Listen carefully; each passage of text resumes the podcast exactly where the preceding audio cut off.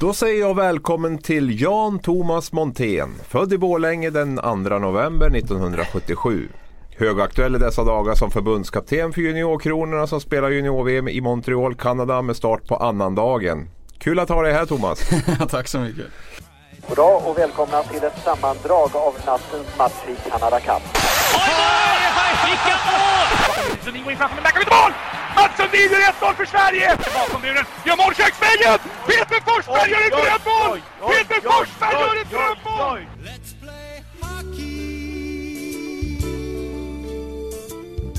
Ja, om vi börjar med junior-VM då. Idag är det tisdag när vi spelar in det här. Igår tog du ut en bruttotrupp med 26 spelare som du åker över till Kanada med om drygt en vecka. Börja med dina tankar om den här truppen. Eh, nej men det, som jag sa igår att det, det, det, det tufft val. Det många, finns många bra spelare att välja mellan och många framförallt kanske olika spelare att välja mellan. Men vi har, eh, vi, vi känner att vi, vi, vi ville ha en viss inriktning på på de olika lagdelarna och vi känner att eh, vi, vi är väldigt nöjda med det vi har plockat ut. Vi, vi är mest nöjda med att vi fick tillgång till alla spelare. Eh, just nu i alla fall, om ingen försvinner bort här. Men, men att vi kunde liksom välja precis de vi, de vi ville ha och sen Eh, Sen gäller det att försöka liksom hitta spelare som, som kan eh, spela det spel som, som vi vill spela men också att, de kan, eh, att man kan ha tydliga roller för dem i, i laget. Så att, eh, nej, vi känner oss nöjda. Vad tror du kommer att vara den största skillnaden då i juniorkronornas sätt att uppträda kontra när Rickard Grönborg under Rickard Grönborgs tre år? Alltså jag tror, spelmässigt så tror jag inte att det kommer vara sån, sån stor skillnad. Jag tror att, jag menar, någonstans vi har våran gemensamma spelfilosofi och våran, våran gemensamma spelidé som, som vi har från Tre Kronor och ner till, eh, till Team 16-landslaget som vi vill ska genomsyra våra, alla våra landslag. Eh, det som skiljer det är, det är ju att junior-VM är ju det är ju tjusningen att det är en ny, ny grupp egentligen varje år. Det är en ny kull spelare och jag tror att det är det som, som sätter skillnaden i de här trupperna från år till år. Och jag, eh, jag hoppas och tror att vi har en, en grupp med mycket med mycket inställning, med mycket karaktär som, som kommer att och, eh, kanske inte vara det skickligaste eh, laget men, men eh, förhoppningsvis ett lag som jobbar väldigt, väldigt hårt för att, för att nå framgång.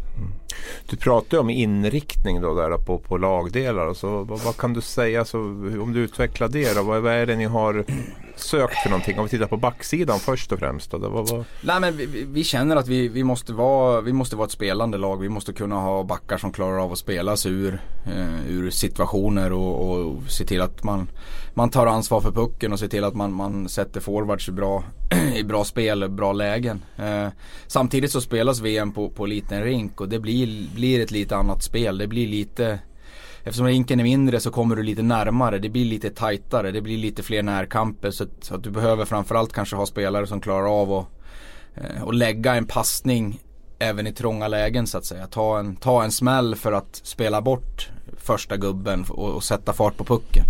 Så att eh, det har vi tittat på, på på backsidan men också då givetvis alltså, att vi har mobilitet. Att vi, vi kan kan åka skridskor både i, i offensiven och defensiven. Eh, forwardsmässigt så, så känner vi att det är viktigt att spela med mycket fart. Eh, vi var över i USA här i juli, augusti och mötte USA och Kanada och Finland och, och jag tror att ska vi Ska vi slå de tre lagen när vi, om vi möter dem så, så tror jag att vi måste spela med mycket speed. Se till att vi, vi anfaller snabbt hela tiden, inte ger dem chans att Eh, att spela rättvänd, att, att få, få gruppera sig och, och spela försvarsspel. Eh, men också att försöka hitta lite, lite, lite storlek på forwardsidan. Att ha lite stora forwards som, som kan göra det svårt för motståndarnas backar runt, runt deras mål och runt, runt sargerna. Anfallszon. Hur tänker du runt kedjeuppbyggnaden där nu? Förut pratade man mycket om det här med två offensiva kedjor, två defensiva, mer defensiva kedjor. Det har gått över mer till att man kanske försöker ha tre kedjor som kan producera och kanske en. Hur tänker du där just runt, runt den biten? Hur, hur vill du bygga den här eh, kedje, kedjeformationen? Egentligen tycker jag det handlar om två saker. Dels, alltså dels så måste du ha, du måste ha spelare som spets som kan, som kan spela i offensiva lägen, det vill säga powerplay och du måste ha, ha defensivt duktiga spelare som jobbar hårt som kan, som kan spela penalty kill. Eh, sen känner väl vi att vi, vi, vi kommer behöva ha fyra enheter som kan spela åt båda håll. Att vi, vi kan spela med mycket fart och sätta press på motståndaren. Och, men även kanske ha, alltså försöka ha den offensiva spridningen ändå på, på, på tre, tre lines. Att vi, att vi kan ha tre linjer som kan, som kan skapa och kan vara kreativa. Jag tror att ska vi, ska vi ha möjlighet att mäta oss mot de bästa så måste vi, vi måste givetvis försvara oss bra. Men det, det, det, tror jag att vi kommer göra. Vi kommer jobba hårt över hela banan och, och, och göra det jobbigt för motståndaren. Men Eh, för att vinna hockeymatcher så måste du, måste du göra mål. Och då måste du kunna ha spelare som, som kan vara kreativa och kan skapa. Och jag tror att vi eh, behöver hitta flera enheter än en eh, som kan producera framåt. Om jag tittar på backsidan där och det som sticker ut där på något sätt är ju att vi har inte någon högerfattad back. Min första tanke är ju givetvis offensivt eh, med eh, alternativ att skjuta och sådär. Men även defensivt tänker jag uppspelsformen att vi, att vi eh, inte har den variationen där mellan höger, högerfattade och vänsterfattade backar. Det här måste ju ha varit ett, ett, ett som något du har tänkt väldigt mycket runt innan du... Eh, absolut, det är ju alltid, jag menar i en, i en optimal värld så, så har du fyra leftare och fyra rightare.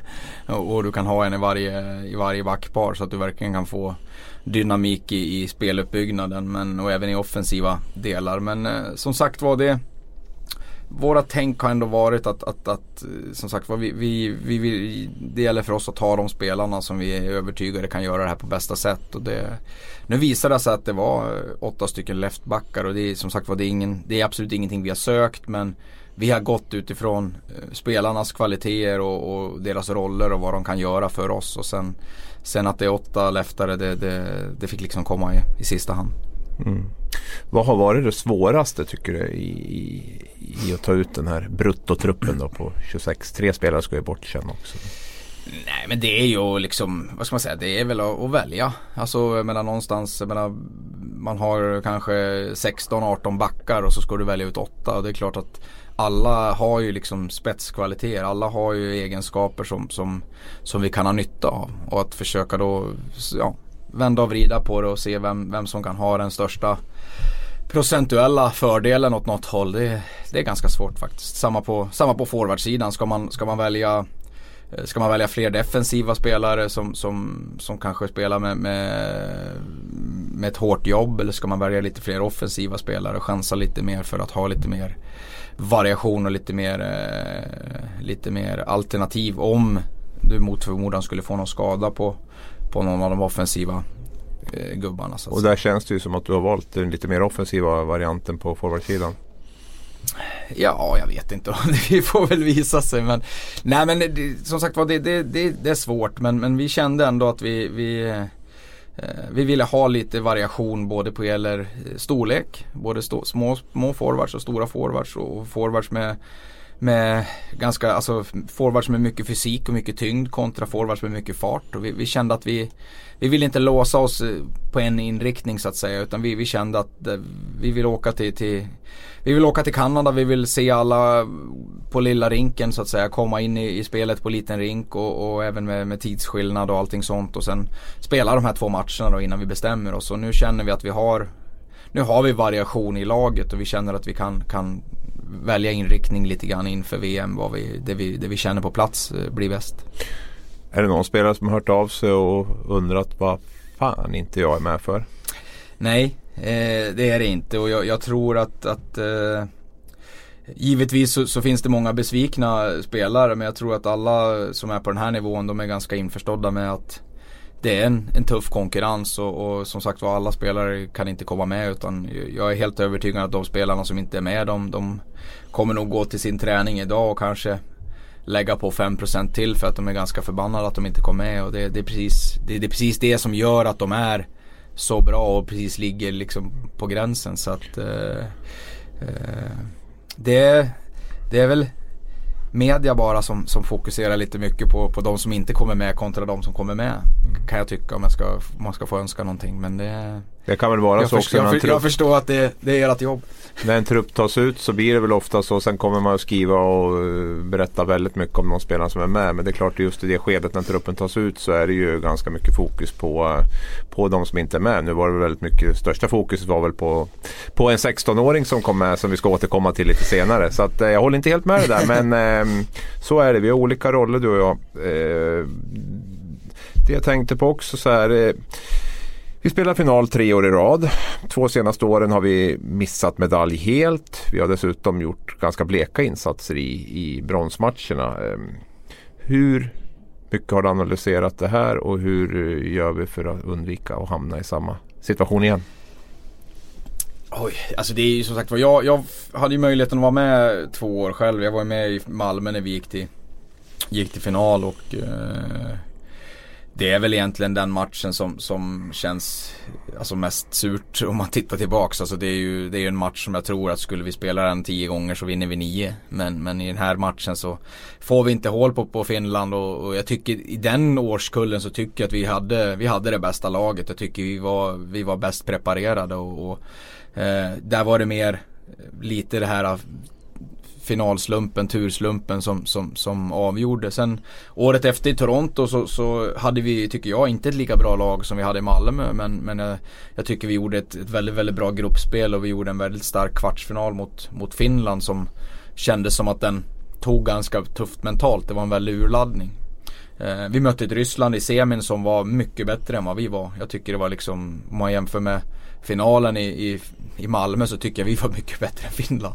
Och, och, och ändå, men vi vann inte. Men när vi mötte fin, ryssarna i semin i, i Toronto så var det bara det var inget snack. Alltså de var, de var klasser bättre än oss och det, då får man köpa det liksom att man att man förlorar mot ett bättre lag. Eh, sen mot Slovakien då i, i, i bronsmatchen så var väl den här känslan att vi vi var mentalt trött. Alltså jag tror inte det var så mycket fysiskt. Jag tror det var mer skallen att kunna liksom ladda om. Jag tror att någonstans så, så, var man så fokuserad på att försöka ta sig till den här drömfinalen mot Kanada i, i Toronto. Och man på något vis den här besvikelsen som blir direkt efter eh, satt i för länge liksom. Den var, den, den var liksom, sen när matchen börjar så vill man såklart vinna den. Men jag tror att, jag tror att det sista liksom hungern var inte där. Så att Men återigen, alltså jag tycker det, det är två olika helt olika lag. Det är två helt mm. olika, olika grupper, helt olika karaktärer. Och det är det, som, det är det som gör det svårt att analysera tycker jag. Eftersom det är, det är olika lag, olika årgångar varje år. Och vi får se lite grann vad det,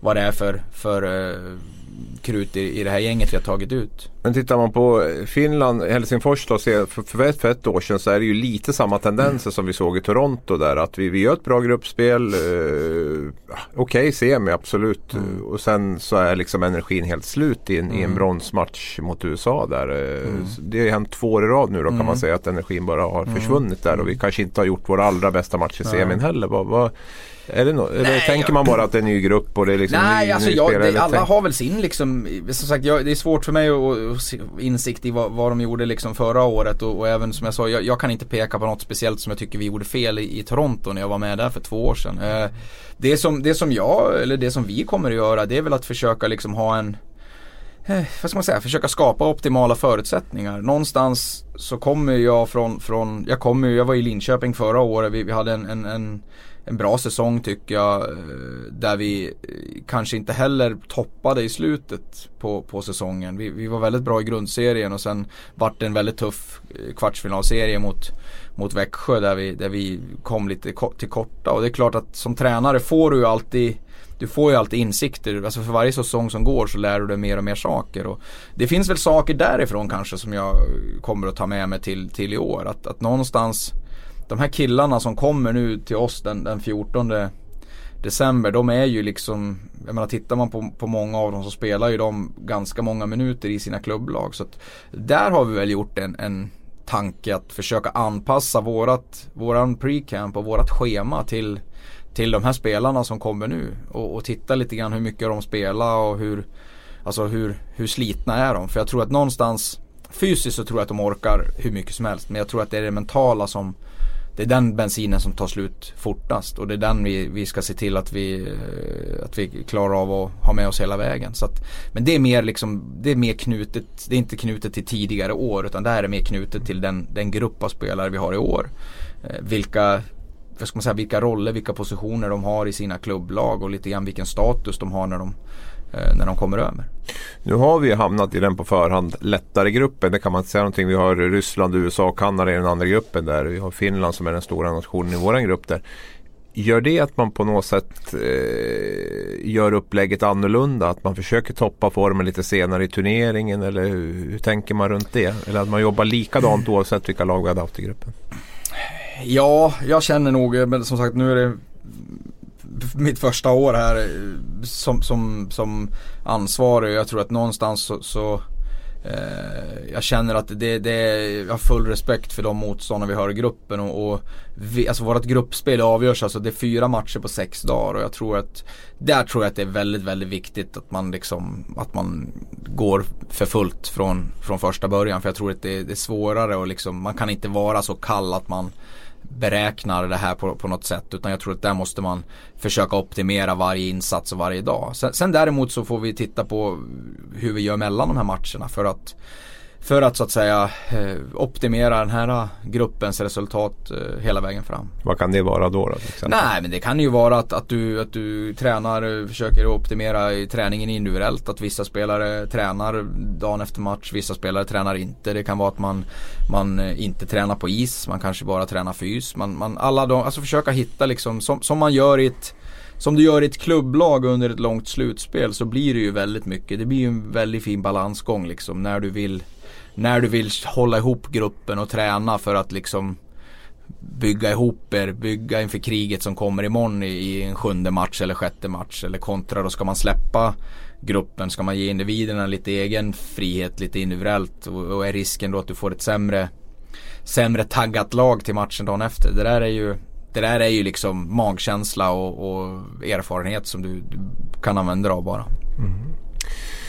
Vi lämnar junior-VM lite grann där eh, och återkommer lite senare tänkte jag i programmet där. Eh, du är född i Bålänge, stad som du lämnar väldigt tidigt. Där. Känner du dig fortfarande som en mas? Ja, det gör jag. Det, som sagt, det har blivit några år borta men, men jag försöker att eh, åka hem lite, lite då och då. Jag har min, min mamma och pappa kvar där. Jag har min bror och hans familj kvar där. Och jag har eh, ganska mycket vänner kvar både i Borlänge och Mora som jag bodde, jag bodde ganska länge i Mora också där efter jag lämnade Borlänge. Så att, men det är klart att många av dem har ju flyttat ut därifrån också. Så det är ganska många i, i, i Stockholm också. Så det, det är väl de tre ställena som vi, vi får eh, försöka hålla oss på mm. när man inte jobbar. Hur var du som liten kille i Borlänge där då?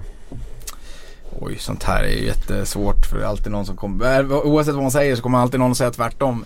Nej men jag tror att jag var, jag var nog ganska lugn och, och försynt och, och blyg där när jag, var, när jag var liten och sen hade man väl en period kanske, eh, vad ska man säga, högstadiet där som var lite mer eh, stökig. Som, som, som många har men jag tror inte att, eh, jag tror inte jag uppfattat som någon, någon jättestökig person liksom utan jag jag var nog ganska, jag hade nog gärna, jag hade, ville nog kanske ha en, en, en approach att man var lite stökig och stöddig sådär. Men jag tror att innerst inne så har man nog alltid varit ganska, ganska noggrann och ganska skötsam liksom sådär. Man har nog aldrig vågat, man har aldrig vågat tagit vidderna ut utan man har alltid haft de här spärrarna som har, som har hållit kontroll på en. Vad är det värsta du har gjort då, som ung? Oj, nej jag vet inte. Jag har liksom inget, alltså det finns inga, inga bra sådana där jättegrejer utan man har väl man har väl varit på stan och stökat lite grann och, och varit uppe och busat och haft sig men inget Som sagt var ingenting som jag kan peka på så att det, det är jag ganska glad för.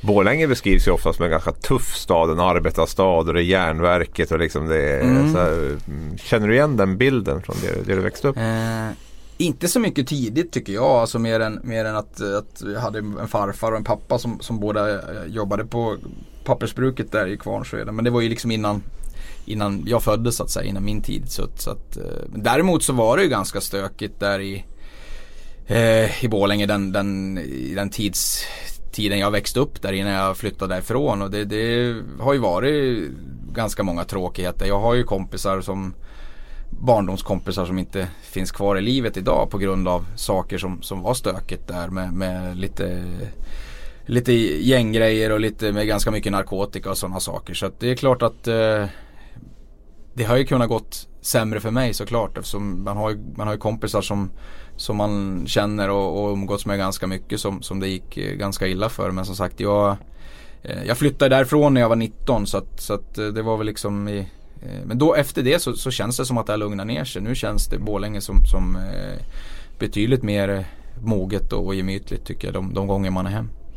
Vad var det jobbigaste du upplevde där då, som du var inne på med, med, med barndomskompisar och så som har gått bort och så? Vad, var det... Eh, nej men det, alltså det, man har gamla, gamla kompisar som, som råkar illa ut med lite olika saker. Jag hade en, en, eh, en gammal vän som jag spelade hockey med som, som blev ihjälskjuten till exempel där hemma på en, uh, ute efter en krogkväll. Så att det var ju sådana saker, det är klart att det sätter ju ett otroligt perspektiv på, på livet. Kanske inte då när du är 15, 16, 17 år men liksom i efterhand så, så är det klart att någonstans så känner man att det här är liksom riktigt jävla fel. Det här är riktigt snett. Så att, eh, men, men det känns som att, som att Borlänge som, som stad och som, som kommun har, har tagit liksom tag i sig själv efter de här grejerna som hände. och, och Eh, man startade ju en jättestor musikfestival bland annat där som tyvärr kanske gick, blev lite för stor och, och, nu, nu har man startat om i lite mindre befattning. Men det kändes som att det fanns otroligt mycket drivna människor som, som, eh, som var kvar där och som, som liksom sa att nej det här är, det här är inte okej okay, liksom. Vi kan inte ha det så här. Och det, jag, jag tycker att man gjorde ett fantastiskt jobb. så att Det är väl ingenting man liksom, återigen, man reflekterar över då men, men så här i efterhand så är det ju eh, fruktansvärda saker. Mm. Men det var alltså en, en barndomsvän då kan man säga som var 15-16 års åldern som, ja, som blev ihjäl. jag kommer inte ihåg riktigt om man det var lite äldre men, men som sagt vi, vi lirade mm. hockey ihop mm. och, och, lite sådär och, och, det blev väl, ja. Eh, var på fel ställe vid fel tidpunkt och, och det slutade otroligt eh, illa så att eh, nej det, det är väl sånt där som man eh, vill glömma men man, man glömmer aldrig. Var du med ute den kvällen eller? Nej, nej. Det, det var jag inte. Nej. Men kände man där någonstans då att det här är på väg liksom att eskalera mot något som som, ja, alltså det, då när man var så pass ung så satte man väl inte liksom ihop det. Men det har man väl liksom förstått i efterhand att, att det var liksom. Det, jag menar det var ju, sen, jag menar, det hände ju saker ändå när man, när man i, i de där områdena i, eh, liksom både i Borlänge och Falun hade ju en del, Falun hade ju också lite tråkigheter där en, en sommar som, som det är klart det berör en ganska mycket även om man inte liksom är mitt uppe i det. Men, men någonstans så känns det som, som eh, ändå ganska nära. Du tänker på händelsen med Mattias Flink Ja, där? precis. Ja. Det var ju skolavslutning i Falun så jag var faktiskt där men, men ihop med lite kompisar. Men vi hade faktiskt åkt hem tidigare då på, på kvällen. Men som sagt det är ju någonstans så känner man ju att Falun är ju inte sån det är ju inte sån jättestor stad så att, så att eh, det är klart att eh, det blir lite läskigt. Kan du känna, du berättade om två, två händelser här nu. Kan du känna att det har liksom påverkat dig på något sätt? Dina val i, framåt i livet på något sätt? Eller, eller, eller? Uh, nej, jag skulle, man skulle kanske vilja säga ja eftersom det, det är sådana grejer. Men nej, det kan jag inte säga. Jag tycker väl någonstans att jag eh, som sagt var, jag flyttade ju därifrån och tog en, liksom en annan väg då när jag, när jag, tog, när jag åkte till Mora där och, och då var det väl egentligen det var väl ju för hockeyns skull men det var ju liksom inte alls utstakat att jag skulle sitta här idag och jobba med hockey utan det var mer en Det var väl mer en ton, en, en, liksom en ton alltså en, en sån grej att nej men kul att prova på något nytt. Var sugen att flytta hemifrån och flytta bort och lite roligt att bo själv och lite sådana saker. Så att, nej, jag tror att de, de saker som, som präglar en mer, de, de känner jag kommer liksom senare i livet och, och sådär. Men det är klart att någonstans så har man väl alltid haft en, en, en, en känsla att det, man, är, man är ganska tacksam för det man har liksom. Och det är någonstans eh, man, har, man har ett tufft jobb och man är fruktansvärt förbannad och besviken när man förlorar hockeymatcher. Men någonstans jag, jag har alltid känt att jag har inte liksom det känns väldigt, väldigt onödigt att gå runt varje dag och vara, vara sur och bitter. Jag, jag, tycker liksom att då, då är man ju Då måste man göra någonting åt sin, sin tillvaro och försöka göra någonting annorlunda. Jag, jag har alltid känt att det, ja, det är ganska det är ganska kul, kul med en ny dag. Mm. Jag, jag, försöker ha en sån approach till och försöker vara positiv i, i, i, så många sammanhang jag kan liksom och försöka fokusera på de bra sakerna som, som finns runt omkring. Vi återkommer snart till Mora som var en tidig hållplats i din tränarkarriär där och juniorverksamheten där. vilken var din väg in i ishockeyn? Alltså jag slutade ju tidigt. Alltså jag var ju, alltså det är ju så, jag var inte tillräckligt bra helt enkelt. Utan jag la ju av när jag var 17-18 år och, och sådär och var ingen, ingen talang överhuvudtaget så. Eh, jag åkte skidor en, en hel del, tyckte nästan att det var roligare. Tävla lite utförsåkning sådär. Men sen eh, hade jag en yngre bror som, som började spela och jag fick frågan av, av de tränarna som, som hade det laget om inte jag kunde vara med och hjälpa till lite grann när de var, jag tror att de var 13-14 år och jag gick väl på gymnasiet. Så att jag var väl med där lite grann och eh, höll på lite grann och sen, ja, det, det blev väl bara liksom mer och mer. Det var ganska roligt. Jag har inte tyckt att hockey varit så förbannat kul när jag spelade. Jag har aldrig liksom Alltså innan jag började jobba som tränare så tittade jag ju inte liksom på hockeymatcher så. Alltså det var ju inte Det var kul att lira när man var liten och vara själv, alltså vara på isen och spela. Sen själva liksom spelet och runt omkring. Jag var väl till Leksand några gånger med, med pappa när jag var liten och kollade på några matcher men jag kan aldrig det är inte liksom något mot Leksand så men det, jag kan aldrig minnas att jag tyckte att det var speciellt liksom kul så. Alltså, det, var inget, det var inget som berörde mig utan eh, jag, jag, jobbade med, med, med, de där, med, med det där hockeylaget lite grann och sen, sen fick jag en, en, vad ska man säga, en praktikplats när jag gick ut gymnasiet på, i, hockey, i Borlänge Hockey då. Eh, som eh, var klubben jag jobbade i som, som ville starta en sån här hockeyklass för sjuan, åttan, nian. Och så hade jag de eleverna under ett år och det var ju Borlänge hade en ganska bra 82-kull där med Magnus Hedlund och Daniel Hermansson, Lasse Jonsson. Eh, som, som sen försvann till Leksand och Mora. Och det var ju den kullen då som, som hade på vad ska man säga, hockeyhögstadiet då. Sen hörde Mora av sig efter, ett, efter det året. Och, och eh, hade, de hade ju några där som, som ville försöka göra en, en bra juniorsatsning då med, med Lasse Halvars som, som hade hand om U16 och sen hade du Malte Sten och Lasse Dispers då på, på hockeygymnasiet och de eh, de såg väl någonting i mig som inte jag hade någon aning om. Men, så jag flyttade dit eh, och, och tränade deras U16 och J18 och var med på hockeygymnasiet under ett år. Och sen fortsatte jag som, som juniortränare där och jobbade som, som elevassistent på sidan av då bara för att liksom ha något, något extra jobb sådär och hanka mig fram på det. Fram tills 2001 tror jag det var. Då Färjestad hörde av sig och erbjöd mig en heltidstjänst då på deras hockeygym och J20 och det var väl egentligen Det var väl första gången då som det liksom slog att fan Det här är ju faktiskt någonting man kan, man kan jobba med. Och eh, jag har ju faktiskt inte jobbat med någonting annat sedan 2001. Nej, jag tänkte komma in på det också. Det kan vi ta det på en gång nu när du ändå nämner det. Där. Så man pratar ju ofta om politiker som, som liksom går den här vägen via ungdomsförbunden och sen blir yrkespolitiker och liksom aldrig har ett, ett riktigt jobb. Eh, kan, du, kan du känna lite grann, där du, alltså, du, du har ju känt som du har varit hockeytränare 20, du är 39 år nu, du har mm. varit hockeytränare 20 år eh, om man räknar in Borlänge-tiden där och, ja. och så. Eh, känner du lite som en sån där som, har du haft ett riktigt jobb någon gång? Ja, jag, har, jag, jag har jobbat lite grann. Jag jobbade som, som personlig assistent gjorde jag under två år i, i, i Mora där och det var, det var liksom en, en, ja, men det var en, det var en tuff eh, liksom eh, det var en bra erfarenhet tycker jag. Liksom få, få hjälpa och ta hand om andra och sådär. Det var liksom, men det, det, gav mig ganska mycket. Men sen, sen som sagt har jag hela tiden, hela tiden haft tanken på att, att eh, ja, jag ska väl göra någonting annat. Men det har liksom aldrig blivit av. Eftersom det här, hockeyn har ju liksom ramlat på eh, successivt. Ja. Du säger att när du sedan flyttade till Färjestad var då du kom på att det här är något du kan leva på. Men när kände du liksom att det här är någonting som jag tycker om och det här är någonting som jag kanske är bra på? Då? Nej men alltså det var väldigt, det var väldigt kul där i Mora innan, innan Färjestad-tiden där. Eh, som sagt vi hade ganska bra eh, kullar där med 82 och 83 när vi gick till SM. Eh, både J18 ett år och J20 och J18 vann guld ett år när jag var, när jag var J20-coach. Så vi hade några bra bra kullar där och Mora fick eh, upp ganska mycket spelare till sitt A-lag då som var i Allsvenskan. Man producerade ganska mycket juniorer och då var det liksom, då var det kul. Då var det liksom, då kom det här riktiga suget för hockey och liksom att man började, då började man ju titta på all hockey som fanns. Alltså, mm. och, och, försöka titta på allt, läsa allt och prata med alla och liksom bara suga åt sig. Och det, eh, det hängde väl i liksom.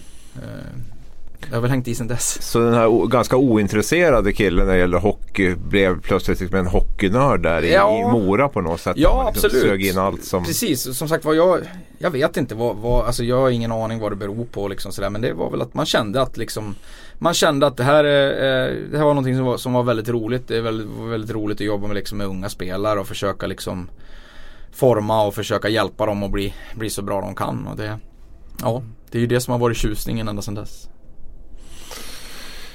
Eh, min schablonbild är ju lite grann, kommer man från Dalarna så håller man antingen på Mora eller Leksand. Eh, bor man i Bålänge så känns ju kopplingen till Leksand väldigt given att man eh, blir läxing på något Ja. sätt. Eh, så var det inte för dig.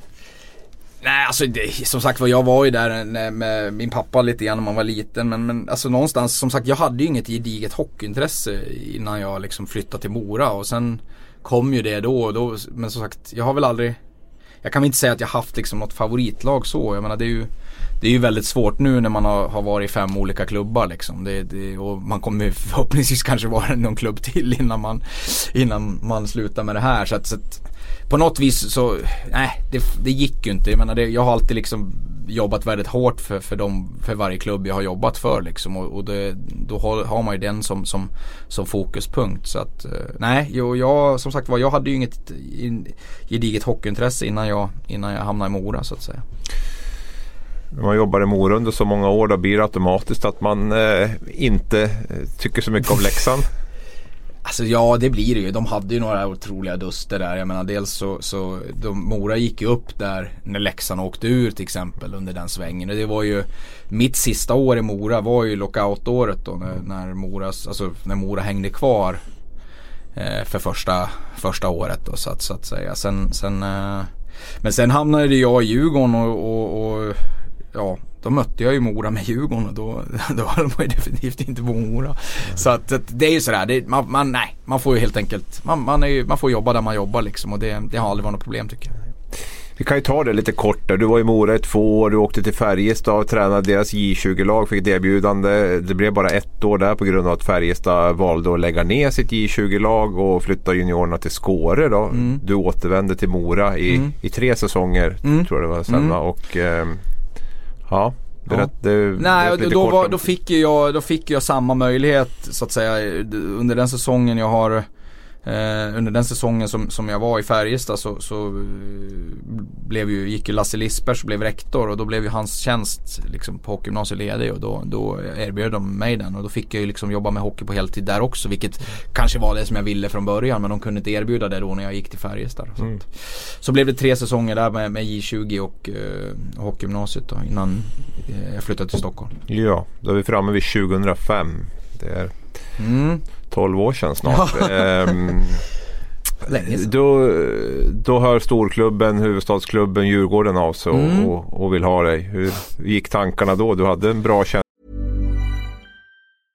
Cool fact a crocodile can't stick out its tongue. Also, you can get health insurance for a month or just under a year in some states. United Healthcare short term insurance plans, underwritten by Golden Rule Insurance Company, offer flexible, budget friendly coverage for you. Learn more at uh1.com. på, på hockey Äh, och, nej och det är väl klart att då eh, någonstans så, så kittlade det väl igen kanske samma sak så, som gjorde att jag lämnade Borlänge. Och det var väl liksom att har väl alltid känt att nej, men det skulle väl vara häftigt att prova på att bo i en storstad och Stockholm är ju den största stad vi har så att det var väl inte så mycket fundera. Det var väl mer att jag, jag sa till, till Djurgården och till KG Stoppel som, som jag pratade med då att jag, jag ville bara skriva ett år för jag sa det jag måste liksom kolla att jag trivs först och sådär. Men sen blev det ju sju år så att eh, vi trivdes fantastiskt bra. mm. Först två år då som, eh, som eh, på juniorlaget där med superelit Mm. och sen upp som assisterande tränare tillsammans med Hans Särkijärvi Mm. där. Ehm, vad minns du från, från det året?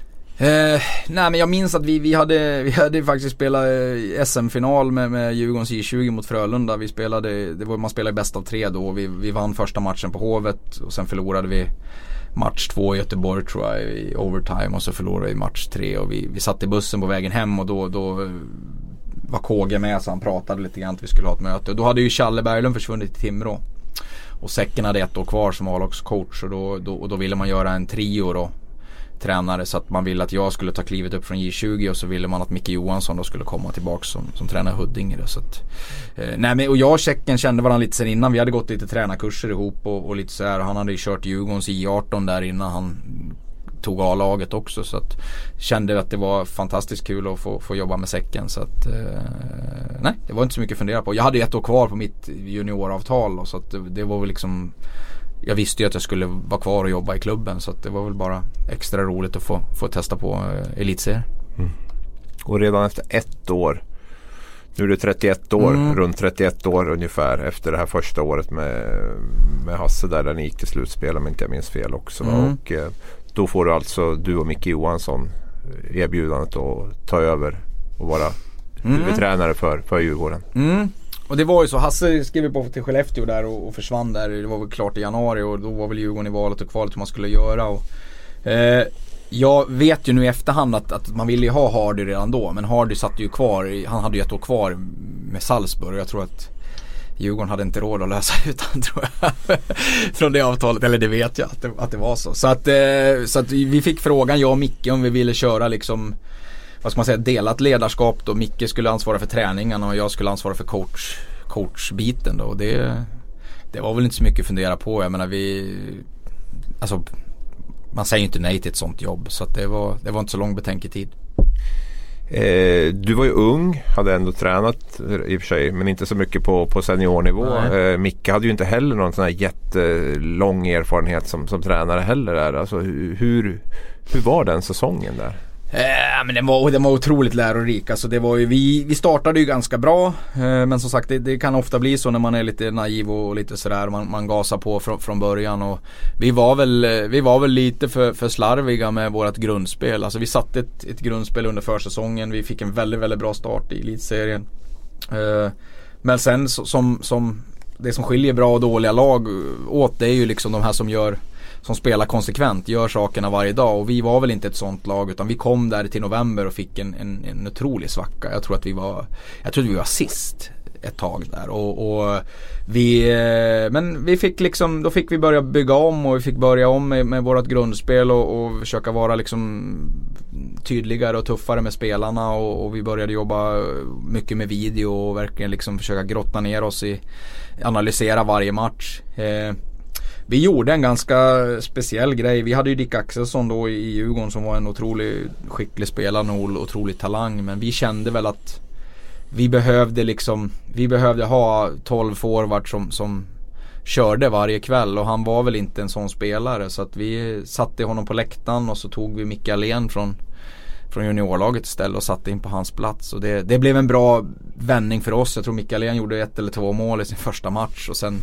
sen hängde det i och sen hamnade Dick i Färjestad och fick vinna SM-guld så det var ju bra för han också. Ja. Men, men det var ju en, som sagt vi lyfte där i, vi lyfte där i december och, och januari. Sen fick vi otroligt mycket skador i, i januari månad och, och eh, vi fick ju eh, debutera med, med en 16-åring mot Södertälje borta som heter Gabriel Landeskog som var 16 år och 14 månader, eller 4 månader tror jag. Eh, var, var första års, eller var i B-junior och fick spela i A-laget och var fantastiskt bra. Direkt från början. Det var liksom så här, wow. Men eh, sen gjorde han bara den säsongen i Djurgården så försvann han till, till Kitchener då i juniorligan. Men, men vi, vi fick lite för mycket skador. Vi hade ju liksom en ung centersida med, jag tror vi hade Jakob Josefsson och vi hade Andreas Engqvist till och från. Vi hade Kalle, Kalle Gustafsson och vi hade Gabbe Landeskog och det är, det är liksom bara juniorer egentligen. Så att vi hann väl inte ikapp. Om det var Timrå tror jag vi jagade där. För att gå till slutspel. Jag vet inte om vi, jag för mig vi blev nia men eh, inte helt hundra. 10 enligt statistiken. Tia, okej, ja. mm. Men bra försök. Ja. Men som sagt, som sagt innan jul, jag kommer ihåg innan jul där så var vi ju Sista matchen innan julbreaket så tror jag, jag tror fan att vi låg sist alltså. Mm. Jag tror att vi var typ sex poäng eller någonting efter Södertälje som var näst sist. Hur var det att ta ett sånt beslut som du pratar om där med Dick Axelsson då? Eh, Nej det var inte, alltså vi var ju ganska många. Vi hade ju en sport, sportkommitté där med, med Janne Järlefelt som var sportchef och Johan Garpenlöv var med där också. Eh, så att nej, så det var ju liksom inte bara vi utan det, men det var liksom, nej men det jag tyckte det var, för oss var det ett, ett bra beslut. Det var ett tufft beslut och liksom, men, men vi kände att vi behövde göra en förändring. Och så fick det bli. Och eh, du var inne på det tidigare vi- med Hardy Nilsson att de gärna ville haft honom redan då. Att de inte kunde köpa ut honom. Visste ni då när ni gick in i den säsongen att det var liksom Hardy de ville ha? Eller Nej de det fick vi reda på, efterhand? efteråt så att Ja, säga. Sen ja. kom ju han Ja. året efter då så att säga. Det var där jag tänkte fortsätta. Året efter då så kommer ju Hardy Nilsson in då i Djurgården och den eh, säsongen jag vill inte säga magisk men det var en väldigt framgångsrik säsong Ja. där ni spelade en, eh, en, eh, i alla fall en magisk SM-final mot, mot HV71 Mm. där. Eh, vad, vad minns du av den säsongen? Eh, nej men det var, alltså vi hade ju en, vi hade en bra mix tycker jag. Vi hade några unga killar som kom upp den säsongen med, med Marcus Kryger kanske framförallt då som, som slog sig in och, och eh, hade en, en äldre kärna också med Kristoffer Ottosson, Marcus Nilsson och Jimmy Ölvestad som var, som var väldigt, väldigt bra. Eh, så att vi, vi hade en bra mix och vi var väl liksom inget lag som de pratade om riktigt utan vi smög väl med lite grann och det var ju OS-break vet jag det året då i februari och vi Jag vet att jag tror att vi låg fyra där vid OS-breaket och sen gick vi otroligt bra efter breaket. Jag tror vi vann sju av åtta som var kvar någonting och, och blev tvåa till slut. Och sen hade vi ju några eh, otroligt härliga eh, kvartsfinaler och semifinaler. Jag tror vi slog ut Linköping i semi på, på Globen bland annat fullsatt. Och det var ett otroligt tryck och sen Sen hade vi en jättebra finalserie mot HV där vi, där vi vinner första matchen på, på ordinarie tid och sen förlorar vi de kommande fem. Alla fem på overtime. Mm. Eh, och det är väl egentligen om man sätter det ihop med den här finalförlusten i Malmö mot Finland så är det ju Det är ju två otroligt tuffa liksom förluster för jag tycker inte att Full respekt för HV absolut men jag tycker inte att de var något bättre än vad vi var i den finalserien och det, det känns, känns än idag fruktansvärt surt att torska den. Alltså. De hade, de hade en bra målvakt. Ja, de hade en fantastisk målvakt. Det, det hade vi också men, men Stefan var kanske eh, nog pricken över i där, där för, för deras del liksom. Sådär. Men nej, den, den kommer nog svida hela livet tror jag. Stefan Liv alltså som stod i, i HVs mål då vann ett av sina SM-guld i den eh, matchfinalserien som jag tror de allra flesta, väldigt många i alla fall, kommer ihåg. Som mm. en av de absolut bästa som har, som har spelats där.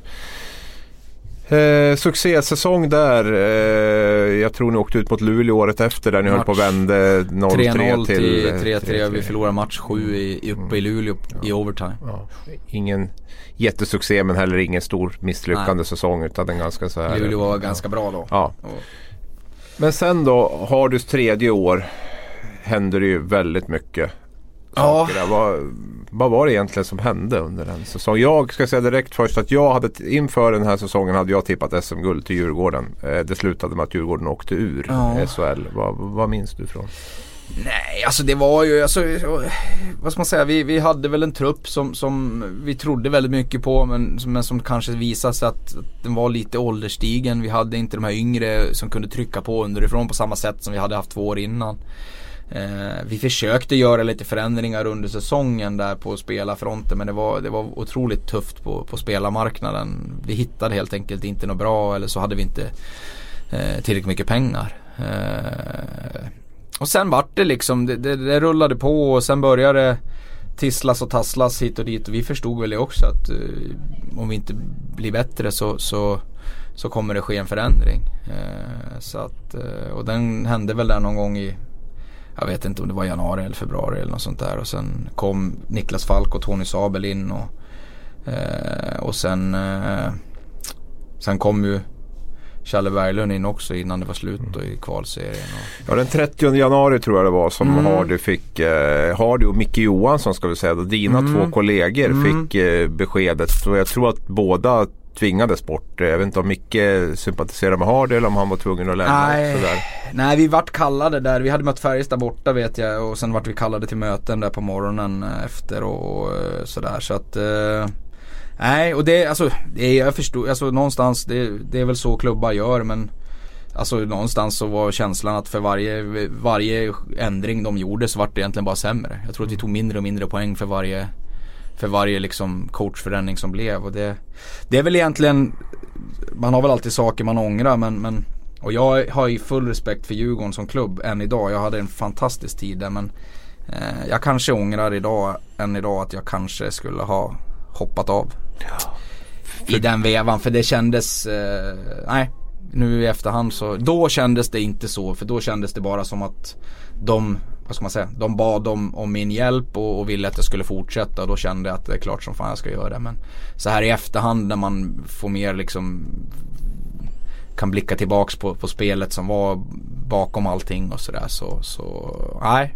Skulle jag få göra om det så skulle jag nog ha gjort annorlunda faktiskt. Då hade du klivit av tillsammans med Micke och har det där i januari redan. Ja. Eh, vad fick du för reaktioner från Micke och Hardy där då när du Nej, kvar och då? det var ingenting sånt. Alltså jag, vi, som sagt var, jag pratade med dem och, och de sa ju egentligen samma sak. Att alltså fan det är klart du ska köra liksom. liksom. De, är ju, de har ju otroligt stora Djurgårdshjärtan båda två. De ville ju inget annat än att, än att det skulle vända för Djurgården. Så att, eh, men, men som sagt, eh, nej, lite lite ung och naiv eh, kanske i, i den rollen och, och, lite, vart lite liksom skrämd sådär kanske också sådär och, och nej. På vilket sätt vart du skrämd? Nej men jag, jag tycker, ja, jag vet inte. ja, nej men någonstans, alltså det är väl egentligen, det låter ju korkat i sammanhanget kanske men, men jag fick liksom Jag fick inte möjligheten som, som att kliva av utan då fick jag helt enkelt Då fick jag helt enkelt säga upp mig själv och det var det man, man hotade med liksom och Det var väl det som Det är väl så kanske, man, man hade liksom, man visste inte, ja men shit vad ska jag vad ska jag göra då? Då har jag inget jobb och liksom man ska bo och betala räkningar och hit och dit. Så att, eh, det vart väl kanske liten, lite för stor effekt. Hade jag, eh, hade jag gjort det idag så hade man ju bara bett om att tackat och gått. Det var så, så du kände liksom att du hamnade liksom i, en, i en situation Ja. där, du vart, eh, där du vart pressad? Och, Nej, inte och- pressade. Alltså, nej men jag tyckte, jag tyckte det var Jag tycker väl i efterhand att det inte var någon liksom fair Fair grej. Samtidigt så förstår jag ju full respekt för dem. De satt väl liksom i en jävla sits och kände att liksom vi ja, vi, vi vill ha det så här och, så, och, och då ville de, då pushade de för det och, och jag sa ju ja så att det, är- i grund och botten så är det jag som får Får, eh, får stå för det. Men som sagt eh, Ja, hade jag gjort om det idag så hade jag gjort annorlunda. Men det är inga hard feelings från, från Hardy och Micke? Liksom, Nej inte var jag, nej jag, nu var det ju länge sedan jag pratade med Hardy. Det var nog något år sedan jag pratade med Micke här för månad sedan kanske. Det, ja, de har aldrig sagt något i alla fall och vi har träffats efteråt också. Det tror jag inte. Nej. Och den här lösningen då med Tony Sabel som huvudtränare det höll ju bara en månad där då, inför kvalserien om inte jag minns Mm. fel så, så uh, vart Sabel degraderad till juniortränare Tony Sabel och uh, Challe Berglund då Ja. som skulle ta över året efter kom in Kom som, in, som ja. tränare där och du var fortfarande kvar. Ja. Fast jag, vart, jag hamnade i en roll där jag satt på läktaren under matcherna och liksom bistod dem på det viset och, och hade hand om att scouta motståndare. Så det vart ju, Niklas Falk tog ju min plats i båset då kan man säga. Som, jag hade ju coachat backarna där under den säsongen och då, då tog Falk över den och Tony fick jobba med spelet och, och Challe coachade forwards då. Så att, eh, så att äh, som sagt det var rörigt och otroligt tråkigt. Mm. Och det slutade med att Djurgården åkte ur SHL också. Mm. Hur, hur mycket stor del av det tog du liksom åt det med tanke på hur säsongen såg ut där? Nej men det är klart att man, man är ju, man är ju, alltså jag, det är alltid svårt. Eh, det är liksom, när, man, när man ser nyktert på, på saker, när man, när man vinner och det går bra så är man ganska duktig på liksom Alltså då känner man att liksom, det är inte min förtjänst, det är spelarens förtjänst. Men när det går dåligt då är det mer att man, då går man ju mer till sig själv liksom. Fan jag skulle ha gjort, vi skulle ha gjort annorlunda, vi skulle ha tagit bort han och han och vi skulle ha sparkat han eller vi skulle ha spelat dem mer, vi skulle ha gjort sådär. Det, det grämer ju en för du får ju liksom ingen, du får ju ingen chans att göra om det. Det, det liksom, det får du ju leva med. eh, Hela livet liksom. Och det, sen att, sen att liksom man åker ur och det blir otroligt, det är ju otroligt tufft liksom. Men inte för, alltså det är tufft för spelare och ledare. Men, men egentligen så är det ju inte det. För de, de lyckas ju alltid nästan hitta nya jobb. Det som är tufft det är ju när, när föreningar då som är i SHL eller Elitserien då när man åker ur och sen får liksom tio människor i som jobbar i föreningen med, med andra saker. Egentligen inte, de har ju egentligen ingenting med A-laget att göra men de får ju lämna sina jobb i stort sett på dagen för att, för att man tappar 30 miljoner intäkter. Det, det känns fruktansvärt tycker jag. Och där får du uppleva två gånger om då. För det som händer efter att ni åkte ur med Djurgården det är att du får ett erbjudande från Timrå. Mm. Att eh, ta över som huvudtränare i, i, i Timrå där och som är i SHL då. Mm. Eh, och det tackar du ja till. Ja. Det var valet och kvalet där. Jag valde egentligen mellan Almtuna och, och Timrå. eh, Kändes det som där. Och, men jag kände ändå någonstans. Jag hade varit fem, fyra år, fem år i SHL och eller Elitserien och hade koll på spelarmarknaden och allting runt omkring. Alla coacher i de andra lagen och visste hur de spelade och hur de ville coacha. Jag kände att jag kände att jag skulle kunna göra ett bättre jobb i SHL än, än i Allsvenskan som jag hade väldigt dålig koll på. Eh, Eh, sen hade jag en väldigt, väldigt bra säsong i, i Timrå. Jag tycker vi, vi som sagt var, vi, vi gjorde en, en okej säsong men vi, vi vart lite för tunna på, på skadesidan och sen eh, var ju kvalserien kvar då och jag förstår ju alla som, eh, som, som saknar den men Eh, alltså Leksand gick ju upp det året och de var ju outstanding. De vann ju allt, alla matcher tror jag i, i kvalserien. Vi mötte Örebro i första och sista omgången. Och vann båda. Men däremellan så var det ju ingen annan som slog Örebro. Så att vi var ju körda ändå mot Örebro eftersom mm.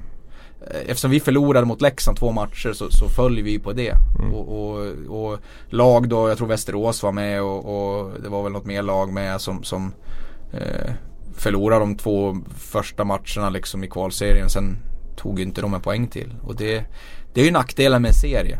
Det är ju fördelen tycker jag med, med att möts head to head bäst av sju. Mm. Att en serie kan ju avgöras på, på, nu skyller jag inte på det alls liksom. Men en serie kan ju avgöras för att för att eh, ja, man, man, man, spelar mot lag som inte har någonting att spela om. Men uh, nej, det, det, var det var jäkligt tufft. Men jag, jag ångrar inte. Alltså det, det, är klart att det är fantastiskt tråkigt igen att, att så stora konsekvenser för ett lag som, som, som Timrå liksom och, och sådär. Och det, jag önskar absolut att det var ogjort men, men jag tycker att vi gjorde jag tycker vi gjorde det vi kunde.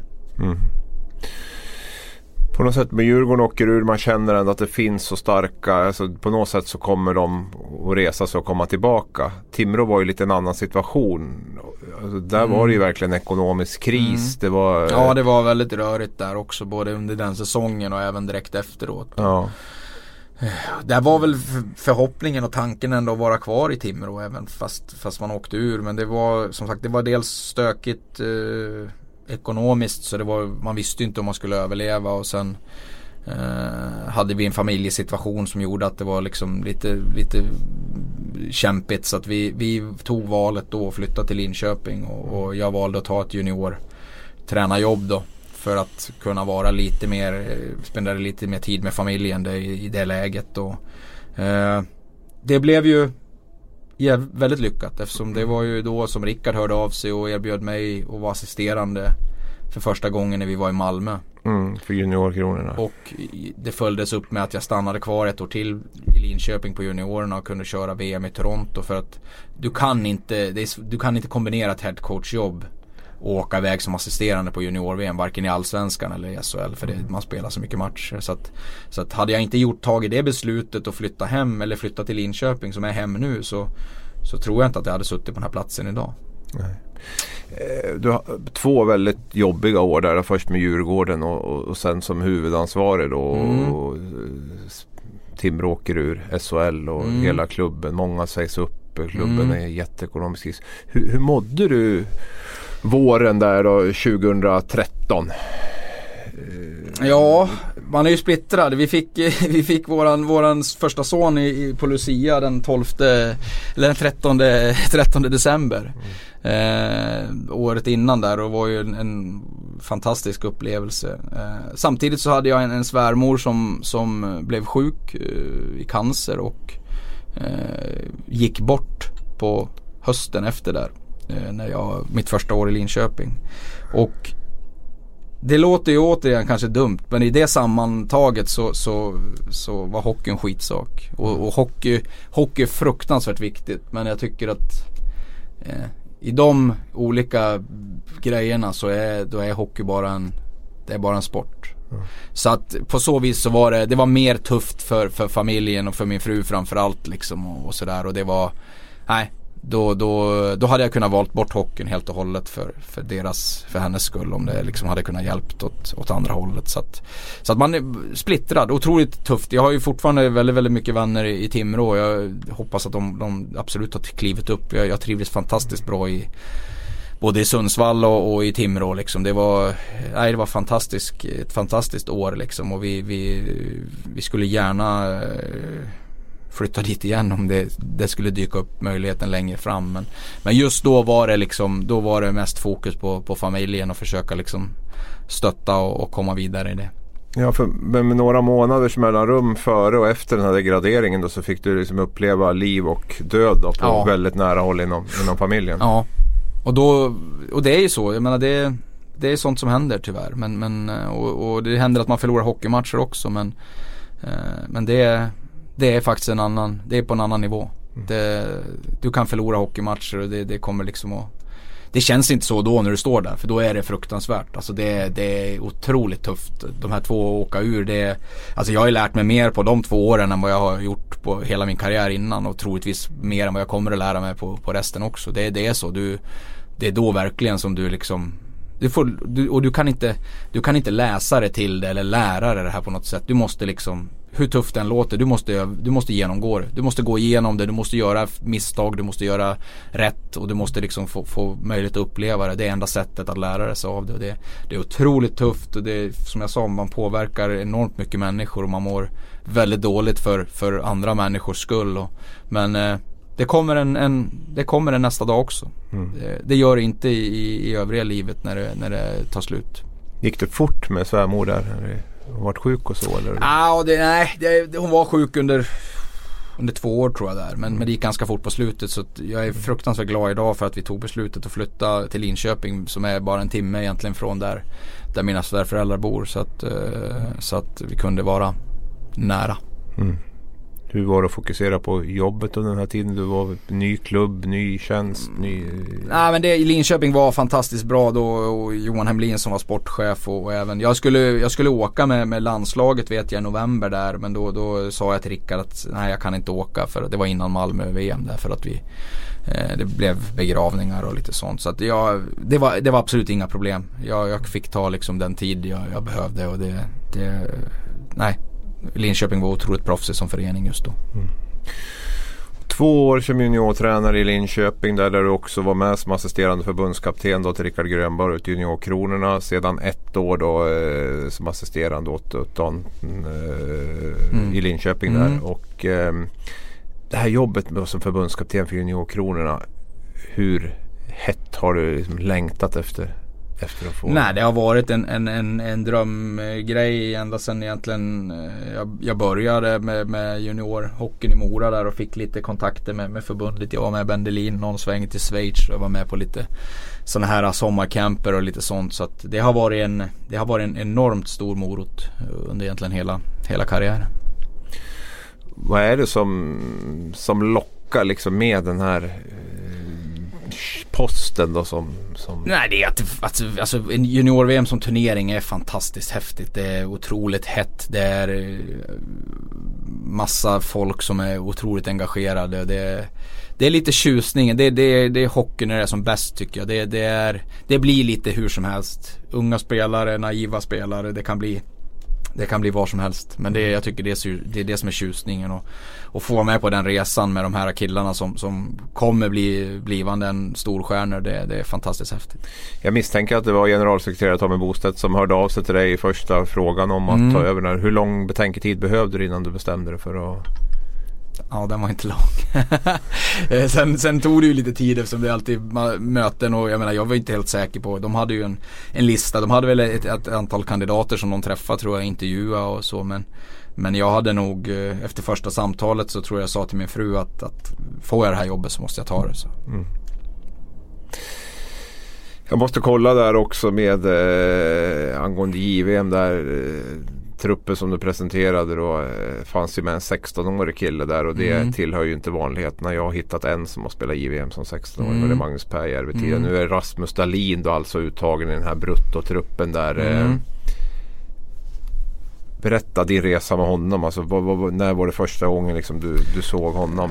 Nej men jag såg han, eh, jag såg han på en av sommarcamperna som, som förbundet hade i maj eh, första gången. Men sen såg jag framförallt Ivan Linka i, i, augusti då med Team 18 och jag tyckte han var väldigt, väldigt bra. Och sen trodde jag väl inte att han skulle få chansen i Frölundas A-lag förrän kanske efter jul. Men eh, sen när han väl fick det så valde jag att följa honom ganska, ganska intensivt de här matcherna han spelat och jag tycker han har ja, han har tagit enorma kliv och det känns som att det, man vet inte vart taket är någonstans på honom. Så att eh, jag tycker att han är, han är så pass bra just nu så att han ska vara på, med på åtta backar. Mm.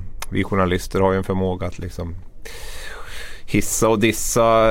Vi gör ju mycket med unga spelare, lätt att lyfta upp dem. Och så här, vad känner du kring alla superlativer som, som, som har lagts runt eh, Rasmus? Där? Nej men ja, de stämmer ju. Han har ju varit, han har väl inte, han har väl inte liksom stuckit ut så mycket mer än att han har, han har, han har låtit sitt spel tala egentligen för honom själv. Och det är klart att han det är klart att han kommer få en tuff resa efter det här. För menar, någonstans så kommer ju, så fort han får en svacka och spelar lite sämre så kommer ju alla liksom hugga på det för han har varit så fantastisk. Men som sagt var, jag tror att spelare som blir exceptionellt bra, som blir världsstjärnor, de, de har en förmåga att höja sig i, i, i tuffa sammanhang. Så att, eh, det ska bli intressant att se Rasmus i Kanada.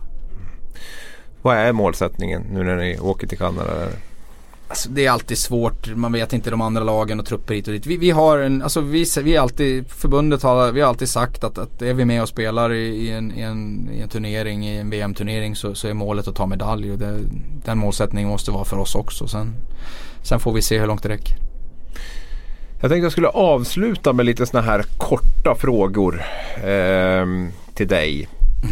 Och då tänkte jag börja med att fråga, vem är den bästa spelare du har coachat? Marcus Ragnarsson.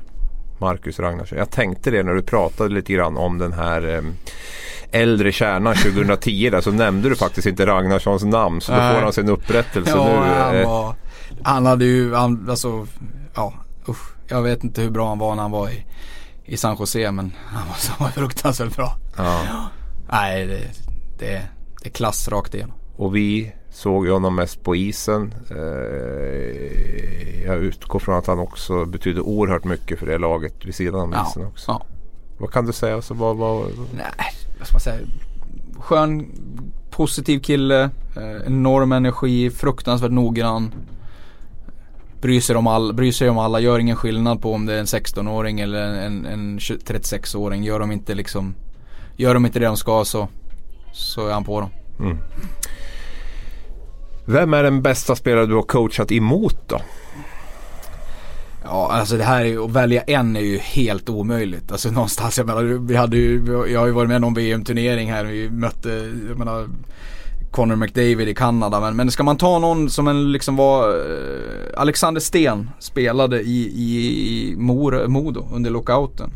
Eller när det var lockout, när jag var i En, av få, en av få spelare som tilläts spela. Ja, jag har fortfarande inte hört om Frölunda och Modo fått något straff. Alla sa att de skulle få något straff för att de tog in lockoutspelare, Duchene och Sten. Men jag, mig veterligen har de inte fått något. Så det var väl bara någon pekpinne de hade. Men han var, alltså han var, Modo var ju illa ute då. Alltså, men han var fruktansvärt bra. Han spelar ju, han spelar back i powerplay och han spelar, ah, han spelar hela tiden. Han var fantastiskt bra.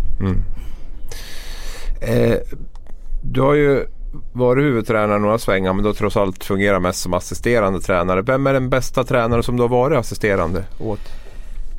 Alltså skitsvårt. alltså jag måste ändå säga, jag, jag, jag gillar, alltså jag lärde mig enormt mycket av Hardy, alltså Nilsson. Alltså det, det gav mig otroligt mycket. Jag har lärt mig fruktansvärt mycket av alla coacher, jobbar med fantastiska tränare och eh, men, men Hardy, nej han gav mig, mig med kanske mest liksom som jag, som jag tog, som jag hade nytta av just då. Det här med liksom, vad ska man säga, tydligheten, enkelheten att få fram det man vill genom att säga så lite som möjligt liksom och vara, vara oerhört tydlig. Det var han, tycker jag, fantastiskt bra. Hur långt är Hardy Nilsson från den här bilden som vi får via medierna och som ger oss kontra den här kollegan i, i tränarrummet där? Det skiljer lite. Mycket eller lite? Ja, det skiljer ganska mycket. Det gör det? Ja. hur skulle du vilja beskriva honom som, som kollega? Och... Ja, han är en enormt eh, varm människa och eh, härlig humor och, och som sagt var det är en sån person som du liksom om du om du om du stöttar han och jobbar nära han så, så skulle han göra allt för dig och sen om du eh, kliver över gränsen så då då ska man inte ha han mot sig tror jag. Nej, han är en fantastiskt härlig människa. Slutligen då, har du nämnt här, förebild som tränare, vad finns, det, vad finns det mer där? Kan man ju gå tillbaka kanske tidigt i karriären eller se alltså, det, hela. Alltså, jag tycker det är också jätte, jättesvårt. Alltså, jag tycker det, jag, har, jag tycker det är många som har varit väldigt, liksom, väldigt noggranna och eh, som man lärt sig mycket av. Jag, jag fick ju chansen och när jag var i Mora som juniortränare så var ju Tommy Sandlin A-lagstränare så jag fick ju chansen att liksom komma lite nära honom och där slogs man över just hur otroligt noggrann han var och liksom förberedd och nästan, alltså han var ju nästan manisk i liksom sitt. Eh, när jag kom till Färjestad så fick jag otroligt mycket hjälp av Tommy Samuelsson som var assisterande i A-laget då. Han var han var fruktansvärt noggrann med detaljer och han lärde mig detaljer i spelet som, som, eh, som jag har nytta av än idag. Liksom. Och öppnade verkligen det här detaljseendet i, i hur man tränar hockeyspelare individuellt. Eh, nej, det, det, är jättesvårt. Alltså jag tycker jag har lärt mig av, av alla liksom. Så att det har svårt att att jag har svårt att peka ut någon faktiskt. Då vill jag avsluta med att önska ett stort lycka till under junior-VM här som drar igång 26 december och eh, avslutas den 5 januari. Har vi, får vi se svenskt lag i finalen där? Det skulle vara eh, fantastiskt roligt så att, eh, men som sagt vi har en, vi har en lång väg dit så att, men vi ska, vi ska göra vårt, vårt bästa och vi ska jobba extremt hårt för att, för att nå så långt vi kan. Hur mycket märker man av det här enorma intresset som har byggts upp under senare år? Nu har ju du varit med laget. Nej men det är mycket, det är mycket frågor och mycket intresse och, och sådär. Så att, men det är, nej, det är fantastiskt kul. Då säger vi lycka till och tack, tack så mycket för att du kom hit.